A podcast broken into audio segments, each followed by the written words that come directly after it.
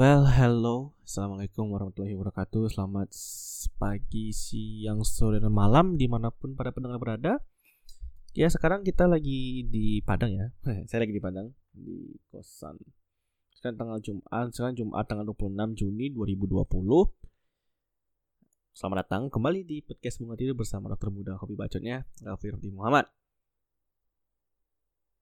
Pada hari ini saya sebagai dokter muda juga ingin memberikan uh, semacam pesan apa uh, semacam pesan bahwa kita selalu cuci tangan, menjaga jarak, kemudian um, mengikuti protokol kesehatan yang berlaku.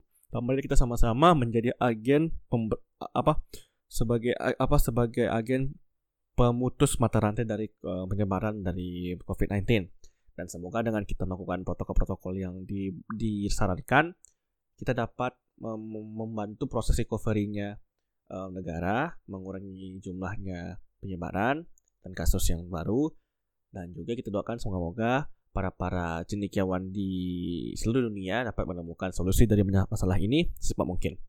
Amin alamin. Tapi banyak orang ingin buat podcast soal bagaimana COVID ini terjadi, apa penyebabnya, bagaimana bagaimana um, proses uh, menjadi sebuah sebuah ganas SARS. Dan saya jujur itu bukan bukan saya nggak ada ilmunya. Saya kompetensi saya nggak ada. Saya masih belajar juga.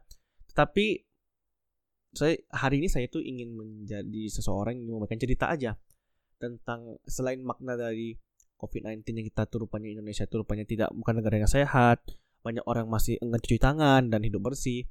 Yang hal yang paling ingin mau di saya ingin sampaikan itu adalah sisi aspek psikologis lah bagaimana covid ini dibentuk orang dan hari jadi ini judul, judul podcast yang judul podcast kita hari ini itu adalah COVID-19 itu mengajarkan kita bahwa kita tuh pada dasarnya di adalah sendiri diri sendiri. COVID-19 itu mengajarkan kita bahwa kita tuh hanya sebatang kara, hanya diri sendiri. Kenapa? Karena hal ini datangnya jadi kan pas kita lagi covid itu kan orang-orang banyak pada pulang kampung ya. Bersama keluarga kembali lagi dengan dunianya dan masing-masing. Dan e, kebetulan pada waktu e, COVID-19 itu mulai berada e, saya itu saya ya saya itu ada konflik dengan my significant others. Yang di mana kayak uh, my current girlfriend at that time itu kita ada something that kayak mana ya? Nggak dapat lama nggak dapat pencet apa penyelesaian masalahnya. So we decided to just like um, apa ya? Um, apa kayak giving space to each other. Jadi kayak betul-betul me, uh, apa namanya? Betul-betul menyendiri dengan waktu masing-masing. Dan jujur ya karena kemarin itu kayak pas lagi skripsian skripsian ya. Yang pergi sama dia terus semua sama dia terus kayak jalan sama dia terus dan saya pun kadang memilih dia daripada teman kan untuk pergi jalan-jalan. Dan saat itu terjadi ya jadinya ya sendiri gitu betul betul jadi sendiri. Dan kesendirian itu saya pun juga ada curhat pada teman-teman gimana saya um, lon, apa merasa lonely gitu kan. Dan tidak ada yang apa yang menemani mana ini kayak tidak ada jadi kawan gitu. Kawan tuh ada gitu tapi perasaan sendiri itu masih ada gitu kayak mengay apa mengawang-awang gitu di diri. Mengawang-awang. Enggak ya gitulah jadi pas saat lagi tiba-tiba COVID-19 kemudian bisa lagi pulang ke rumah, ketemu dengan ibu, ketemu dengan ayah, adik-adik, itu rasa bahagianya itu besar banget. Kayak orang beberapa merasa sedih ya, uh, dia nggak bisa lagi kuliah mungkin karena skripsi terhambat dan semua terhambat. Dan saya juga terhambat proses kuliahnya kan, proses kuliah prakteknya di rumah sakit. Uh, tetapi hal itu ibaratnya oh nanti saya akan lambat tamat kayak nggak peduli tiba-tiba tiba-tiba kayak rasa rindu yang sangat besar dengan keluarga adik-adik dan opung dan semuanya di rumah tuh betul-betul gede banget. Apalagi um, sempat ingin aduh kok pas puasa nanti uh, artinya nanti nggak buka sama ibu deh nggak suka sama keluarga. Dan totalnya covid kan tapi itu balik ke rumah. Dan selama tiga bulan tersebut se di rumah tuh betul-betul rasanya bahagia banget. Nggak, nggak tahu ya mau masalah pacar yang nggak pacar yang nggak ngabarin atau pacar yang merajuk atau mau yang apa pun lah. Kayak betul-betul bodoh lah nggak peduli. Bukan nggak peduli tapi nggak terlalu menjadi pikiran banget ya karena memang di rumah itu anteng tenang. Karena di saat lagi sendiri dia bersama keluarga have fun bersama adik-adik bersama ibu-ibu bersama ayah. Kayak rasanya bahagia bener makan aman tidur aman tertawa. Karena betul-betul udah lama ketemu sama orang tua dengan waktu yang sangat lama kan. Paling kadang seminggu dua minggu nih kayak tiga bulan. Dan mm, di rumah pun nggak ada ke mana-mana tuh nggak ada apa namanya nggak ada nggak ada ke mana-mana lagi ke zona merah. Dan orang kan pada kayak aduh aku suntuk banget di rumah nggak bisa ngapa-ngapain nggak ketemu teman best friend forever. Karena aku seorang perantauan dan aku tiba-tiba rindu keluarga jadi di rumah yang sangat lama-lama pun tidak ada jadi masalah betul-betul. Having fun at your own home with your family it's something that really make you feel welcome gitu ya. Kayak warm and fuzzy inside hati itu kayak uh enak banget dan nikmatin buka puasa nikmatin tertawa-tertawa bersama ibu ayah adik-adik ya gitulah. Kadang ya saling-saling urut saling-saling begini saling-saling curhat. Dan masalah-masalah hidup tentang kayak um, kecemasan terhadap masa depan merasa nggak merasa insecure terhadap diri sendiri badan yang jelek muka yang jelek tidak laku itu betul-betul minim lah serangan jadi kan santuy santuy gaming gitu kan makan gaming makan turu makan turu Ma, itu kan makan modo makan modo mama bahasa Bataknya kan. Ya udah it sleep repeat lah. Dan kemudian kan akhirnya eh tiba-tiba kembalilah kita kan ke dunia perko apa perkuliahan. Kita masing-masing sekarang udah kembali ke tempatnya masing-masing. Dan jujur ya agak berat waktu itu. Berat bener kayak aduh harus pulang ke rumah harus keluar lagi menghadapi dunia nyata. Kayak seperti seperti um, apa ya kayak keluar seperti anak ayam yang yang pertama tuh berjuang sendiri atau dia udah bisa kembali rumah di rumah dia nyantai dengan ibunya dengan ayam-ayam yang lain kemudian dia harus kembali lagi kan harus mandiri karena you have to gitu kan you you you must do it gitu karena kalau nanti gimana akan akan, akan ada pertimbangan-pertimbangan lain. Uh, dan uh, apa ya saya tuh aku tuh saya aku aku aku aja deh aku tuh merasanya bukan berat gini ya bukan kayak aduh kembali kuliah. Maksudnya aku tuh nggak pernah merasa kuliah tuh berat kayak bagaimana. Ya biasa lah kayak kuliah berat ya pilih jalanin. Tapi yang membuat berat itu yang membuat itu berat dari keluar dari apa ya disuruh kembali lagi ke dunia perkuliahan itu adalah gimana rasa rumah tadi yang betul-betul hilang. Karena aku rindu rumah aku ini lagi homesick banget nih. Di mana bersama orang tua bersama adik-adik dan menikmati waktu nggak ada masalah.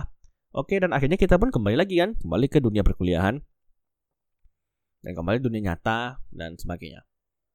Dan kayak saya dan kemudian saya harus di Padang. Ada apa tuh namanya kayak dokter muda di rumah sakit rumah sakit jiwa gitu kan. Dan saya kembali ke kos. Um, itu kos itu kos itu kos. Oke lah teman oke lah teman-teman yang lain. Ada teman-teman yang saling satu stase uh, tapi sampai di rumah melihat kos betapa heningnya betapa kosongnya tidak ada orang hanya kita di kamar sendiri dan akhirnya tuh kayak tank gitu bunyi bunyi di pikiran gitu bahwa aku tuh sendiri ya. Aku tuh yang kita tuh emang sendiri ya. Dan gimana ya? Baru terasa banget bener gitu kesendiriannya. Dan sendirinya bukan sendiri gimana ya?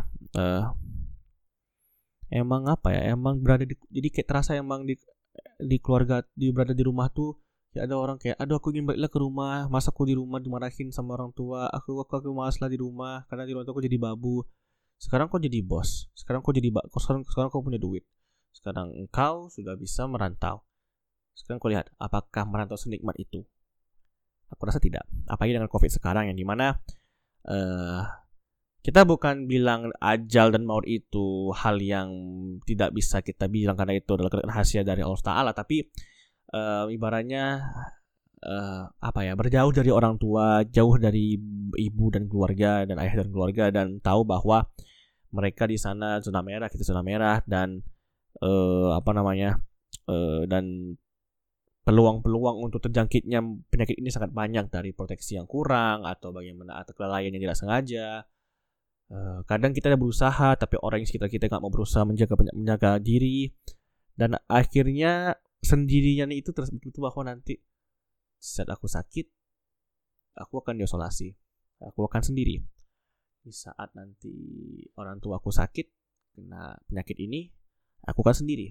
Uh, karena keluarga akan isolasi dan nanti jika apa-apa terjadi apa-apa aja terjadi di keluargaku aku mungkin tidak sempat ke sana. Atau terlalu terlambat atau, ter, atau sudah terlambat. Jadi pikiran-pikiran itu mulai datang gitu kan dan lebih intens karena betul-betul di depan mata rasanya. Kayak aku bisa aja aku bisa aja pergi dari dunia ini dan orang tua bisa dari dunia ini dan aku bisa aja tidak sempat untuk mem, apa namanya tidak sempat uh, tidak sempat me, meng, men, apa ya men, memberikan kebahagiaan ke orang tua gitu kan. Tadi dia mau mobil tapi nggak sempat juga kan karena nggak tahu gitu. Apalagi dengan progresivitas orang yang kadang makin tidak peduli makin sering jalan-jalan makin jalan-jalan oke okay lah tapi kayak tidak kayak masker ngomong-ngomong ke sana dan mana ya? Takut juga kan? Tapi jujur pikiran-pikiran tersebut itu belum terasa benar di saat belum ada covid. Kayak everything itu is going to be alright gitu. Karena kita having fun and then low risk gitu gitulah ya kayak. Ya berjiwa muda karena emang masih muda gitu. Orang tua pun ya maksudnya oke okay lah gitu. Oh kesehatan oh gampang kok. Nanti kalau sakit langsung BPJS gitu semuanya. Karena walaupun sih sebenarnya sih kardiak arrest gitu berhenti jantung itu bisa jadi kapan aja tapi uh, tidak se apa ya kalau itu kan mendadak tiba-tiba kayak oh mendadak setelah itu kan. Itu kan memang betul-betul yang unexpected. Tapi kalau ini dengan penyakit ini di mana-mana dan ada orang yang menyebarkan dengan cara dia tidak sesuai dengan protokol kesehatan jadinya kepikiran bener gitu. Kayak betul-betul terngiang-ngiang gitu. Eh nanti gimana nanti gimana nanti gimana nanti gimana gitu. Dan itulah dan akhirnya setelah uh, setelah dipikir-pikir emang pada dasarnya itu kita tuh emang sendiri orang tua yang bisa mengawalin kita di suatu titik. Sampai mana dia diizinkan oleh yang maha kuasa. Atau sampai mana dirinya mampu. Atau sampai mana kondisi itu memungkinkan. Dan kita pun juga begitu. Uh, kita juga nggak akan bisa selalu berada di samping orang tua. Karena ada waktu pekerjaan ada tanggung jawab dan Akibatnya kita harus jauh. Dan pertemanan pun juga. Setiap orang itu mempunyai agendanya pribadi masing-masing. Kita nongki sama orang itu kadang kita kadang kadang kita lagi sejalan atau kadang emang kita memang kita memang kita kita mau ketemu. Tapi pada dasarnya semua orang tuh punya ambisi masing-masing, punya dunianya masing-masing, punya cita-citanya masing-masing dan nggak nggak semua agenda mereka tuh memiliki perjalanan perjalanan yang menyilang kehidupan kita kadang mungkin kita tuh berjalan itu beriringan tapi tidak tampak sama hanya sila kiri dan kanan aja. Dan kadang bersilangan itu bisa bertemu kita bisa beradu beradu apa ya beradu pikiran. Tapi ya begitu kan.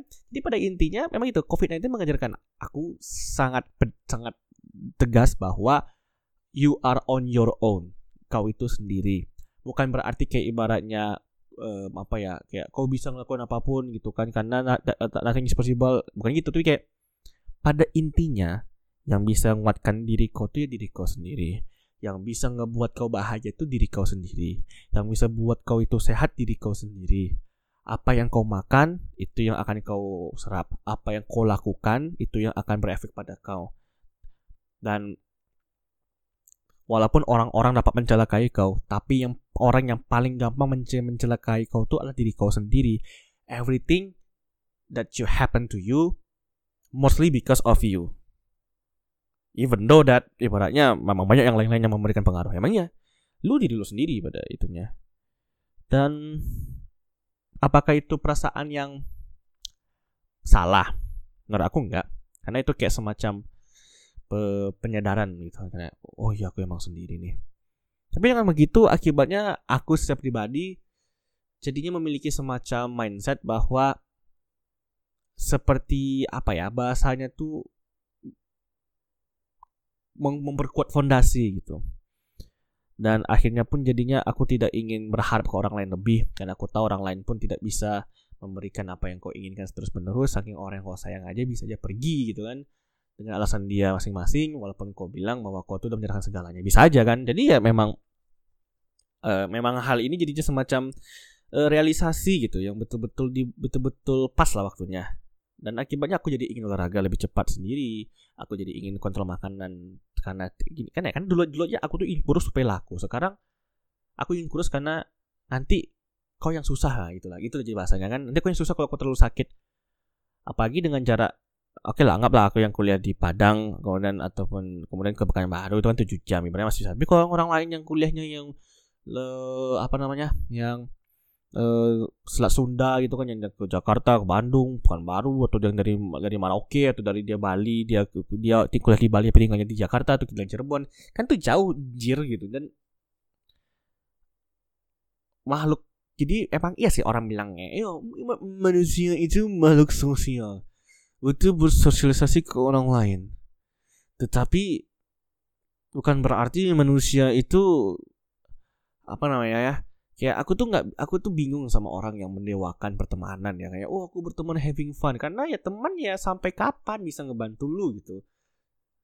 Jadinya aku rasa orang kayak gimana kayak aku suntuk di rumah aku butuh nongki nongki sama sama teman aku walaupun ini teman aku itu nggak jelas gimana rapid testnya dan gimana aku ingin having fun. Lo emang di rumah lo jadi romusa gitu kan sampai nggak tenang nah, karena aku gitu mikirnya sih tapi iya sih ada keinginan kayak ngomong sama teman kayak I miss you friends I miss you friends tapi makin sekarang, makin udah sekarang lagi lagi di kota orang sendirian, uh, sedang mengadu nasib untuk menjadi orang yang lebih baik, kuliah.